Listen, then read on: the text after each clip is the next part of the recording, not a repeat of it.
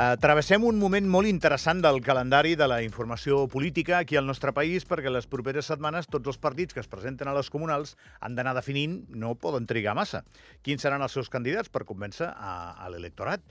I algunes de les decisions que van prenent els partits sorprenen una mica, perquè també depenen de decisions personals. No tothom, encara que es pugui pressuposar que sí, està preparat o vol o té el desig de ser candidat sempre se li adjudica a qui ja és cònsul, si té la possibilitat de presentar-se, el que dèiem, la predisposició a tornar a fer-ho, a optar a la reelecció per intentar fer el recorregut d'aquests vuit anys d'obra política que acostumen a ser una aspiració molt legítima, que després han de refrendar, òbviament, els ciutadans. En aquest cas, la marca política que és favorita en totes les últimes convocatòries a la Massana és Ciutadans Compromesos. La cònsul major de la Massana és de Ciutadans Compromesos, es diu Olga Molner, ara la saludarem, i ha decidit que no va a la reelecció i en el seu lloc qui es presentarà representant a, a CC, a Ciutadans Compromesos, és Eva Sansa. Anem a saber per què, perquè és una decisió d'aquestes que crida l'atenció. Uh, cònsul, bon dia, Olga. Hola, bon dia. Gràcies per atendre'ns. Mm. Bueno, la primera pregunta, per què no hi va? Que és com ho diem aquí a Andorra. Com és que no es presenta? Bé, de fet, és una decisió que ja està presa des de, des de fa dies, des de les darreres eleccions eh, generals, quan el, el senyor Xavi Espot doncs, ja va parlar amb l'Ester per veure si podia comptar amb ella pel, pel proper govern. En aquell moment doncs, ens vam reunir i ja vam prendre la decisió que, doncs, sí, que, que ella ja anés, perquè de fet totes dues no podem estar fora de casa al mateix moment, perquè sempre n'hi ha una que s'ha de quedar al capdavant dels negocis familiars i del, del bufet d'advocats que, que tenim. Per tant, ja era una decisió que està presa des de, des de fa dies. Si és un tema estrictament d'organització de casa. Vostès tenen un negoci que comparteixen, un bufet d'advocats, que són les dues germanes, sí. i, i per tant, si una fa de cònsul, l'altra treballa, si una fa de ministra, que és el cas, l'altra ha de treballar. Exactament. És una decisió que ja vam prendre al, al seu dia, sempre ens hem anat rellevant al capdavant doncs, del bufet i de, dels negocis familiars i així és el que vam decidir a les passades eleccions eh, generals. Bueno, explicat així, ningú ha de veure cap més controvèrsia. no, no. Però, de fet, de, malgrat fos una decisió doncs, que ja està presa des de, des de fa dies, el, el partit sí que em va demanar de no fer-ho públic eh, fins, fins al Congrés, potser perquè també consideraven que hi havia marge perquè, perquè m'ho replantegés o perquè canviés d'opinió, perquè algunes vegades doncs, passa això en política, no? Però, de fet, era una decisió ferma i bueno, m'he mantingut en aquesta posició des d'aleshores. Sigui com sigui, m'admetrà, cònsul, que, que no és el freqüent, no és, no és el corrent, i menys amb una marca, aquest matí ho dèiem, que anava de favorita, que va de favorita a les eleccions. Sí, és cert, és cert que no és el freqüent i, i m'han insistit molt doncs, perquè no fos així, perquè em quedés, i d'alguna manera això, això és d'agrair perquè vol dir que confien en mi i que estan contents amb, amb la feina feta i amb la línia de treball que, que, que he agafat i que també ha agafat la Eva, de fet que m'ha agafat conjuntament. Una línia de treball amb la que ella ara seguirà. Molt bé. I, i no li quede, pregunto, eh, una petita recança de no haver vist aquests vuit anys vostè, de no comandar-los? No. De fet, marxo, marxo molt satisfeta.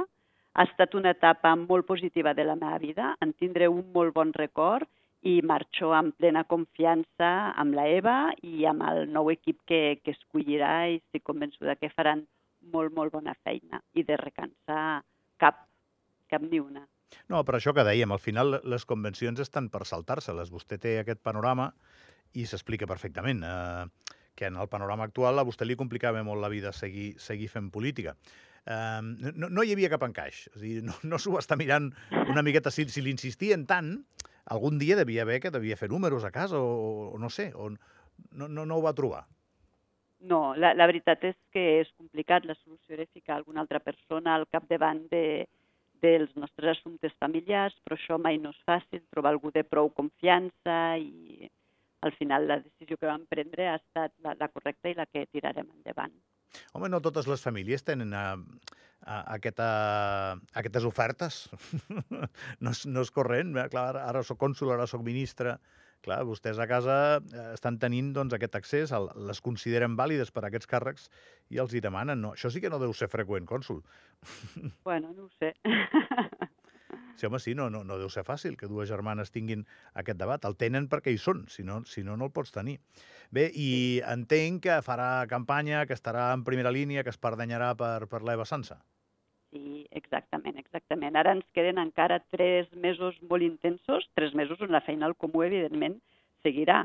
Haurem d'inaugurar Santa Caterina, que estem tot just acabant. Tenim tràmits també que falten quatre detalls i farem properament la inauguració, la carretera de Sispony, que ara ja només falta pintar. Hem de signar tots els convenis del, de la desviació.